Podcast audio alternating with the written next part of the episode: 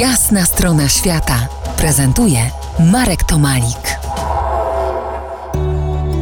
Anita Andrzejewska i Marek Tomalik po jasnej stronie świata. Anita jest artystką, fotografikiem i grafikiem, ilustratorką książek dla dzieci. Anita, porozmawiajmy o materii fotografowania, o duchu tego medium. Zresztą duchy to też przecież materia. Wybierając się w teren, planujesz szczegółowo tak zwany proces twórczy? Czy raczej ufasz swojej improwizacji? Próbuję się zabezpieczyć, planuję. Ale często nic z tego nie wychodzi, bo na miejscu jest mnóstwo niespodzianek. Planuję dlatego, że lubię wiedzieć, lubię się dowiedzieć czegoś na, te, na, temat miejsca, do którego jadę, poczuć jakiegoś rodzaju zainteresowanie, chcę się wciągnąć w temat, więc szukam wątków, które mogłyby mnie pociągnąć. Dowiaduję się czegoś o historii, próbuję wejść w jakąś stronę, dowiedzieć czegoś o religii, w stronę duchowości, ale co mnie tam na miejscu spotka, muszę być gotowa na improwizację i to jest najfajniejsze w tym wszystkim. Fotografia to ingerowanie w rzeczywistość. Czy tego chcemy, czy nie? Kiedy nabyłaś odwagi w tym temacie?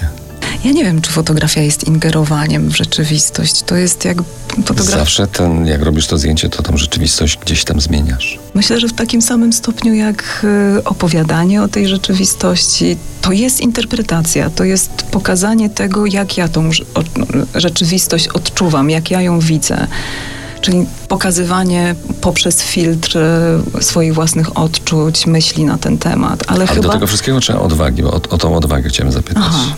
To, to jest kwestia percepcji, prawda? Jak my widzimy. Odwagi, hmm, czy ona się pojawiła, czy ją za każdym razem trzeba na nowo tą odwagę oswajać? Wiesz co, ja na początku byłam szalenie nieśmiała ze swoim aparatem i fotografowałam e, ludzi z daleka, najchętniej odwróconych tyłem, puste przestrzenie, pejzaże, więc ta Australia była naprawdę świetnym wprowadzeniem. A potem, kiedy pojechałam do Indii, do Azji, kiedy ci ludzie byli już wszędzie i byli zresztą szalenie dla mnie interesujący, no to powoli, powoli z przyczajki zaczynałam się tam do nich, do nich zbliżać.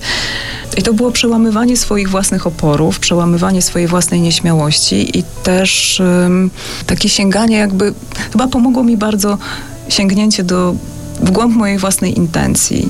Dałam sobie prawo do fotografowania ludzi i do wchodzenia w ich przestrzeń w momencie, kiedy zobaczyłam, jaka moja intencja za tym stoi. Że ja jestem ich ciekawa, że ja naprawdę się tym wszystkim fascynuję, że daję im swoją uwagę i ogromnie dużo e, dostaję. I w tym sensie nie miej mi za złe nazwę, to jesteś takim antypaparazzi.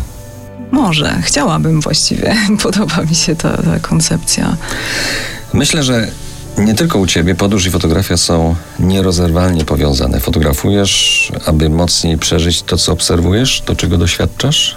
Tak, na pewno, żeby to zarejestrować, żeby to zapi zapisać. Czyli aparat... ten aparat działa troszeczkę jak wzmacniacz, tak? Dokładnie tak. Wzmacnia motywację też i też czasami jest pretekstem do bycia w różnych miejscach, bo wyobrażam sobie, że mm, no jest, jest pewnego rodzaju przepustką. Wchodzę i ludzie od razu wiedzą, po co ja tam jestem, nie muszą pytać. Za kilka muzycznych chwil powrócimy do podróży Anity z aparatem fotograficznym. Zostańcie z nami po jasnej stronie świata. To jest jasna strona świata w RMS Classic.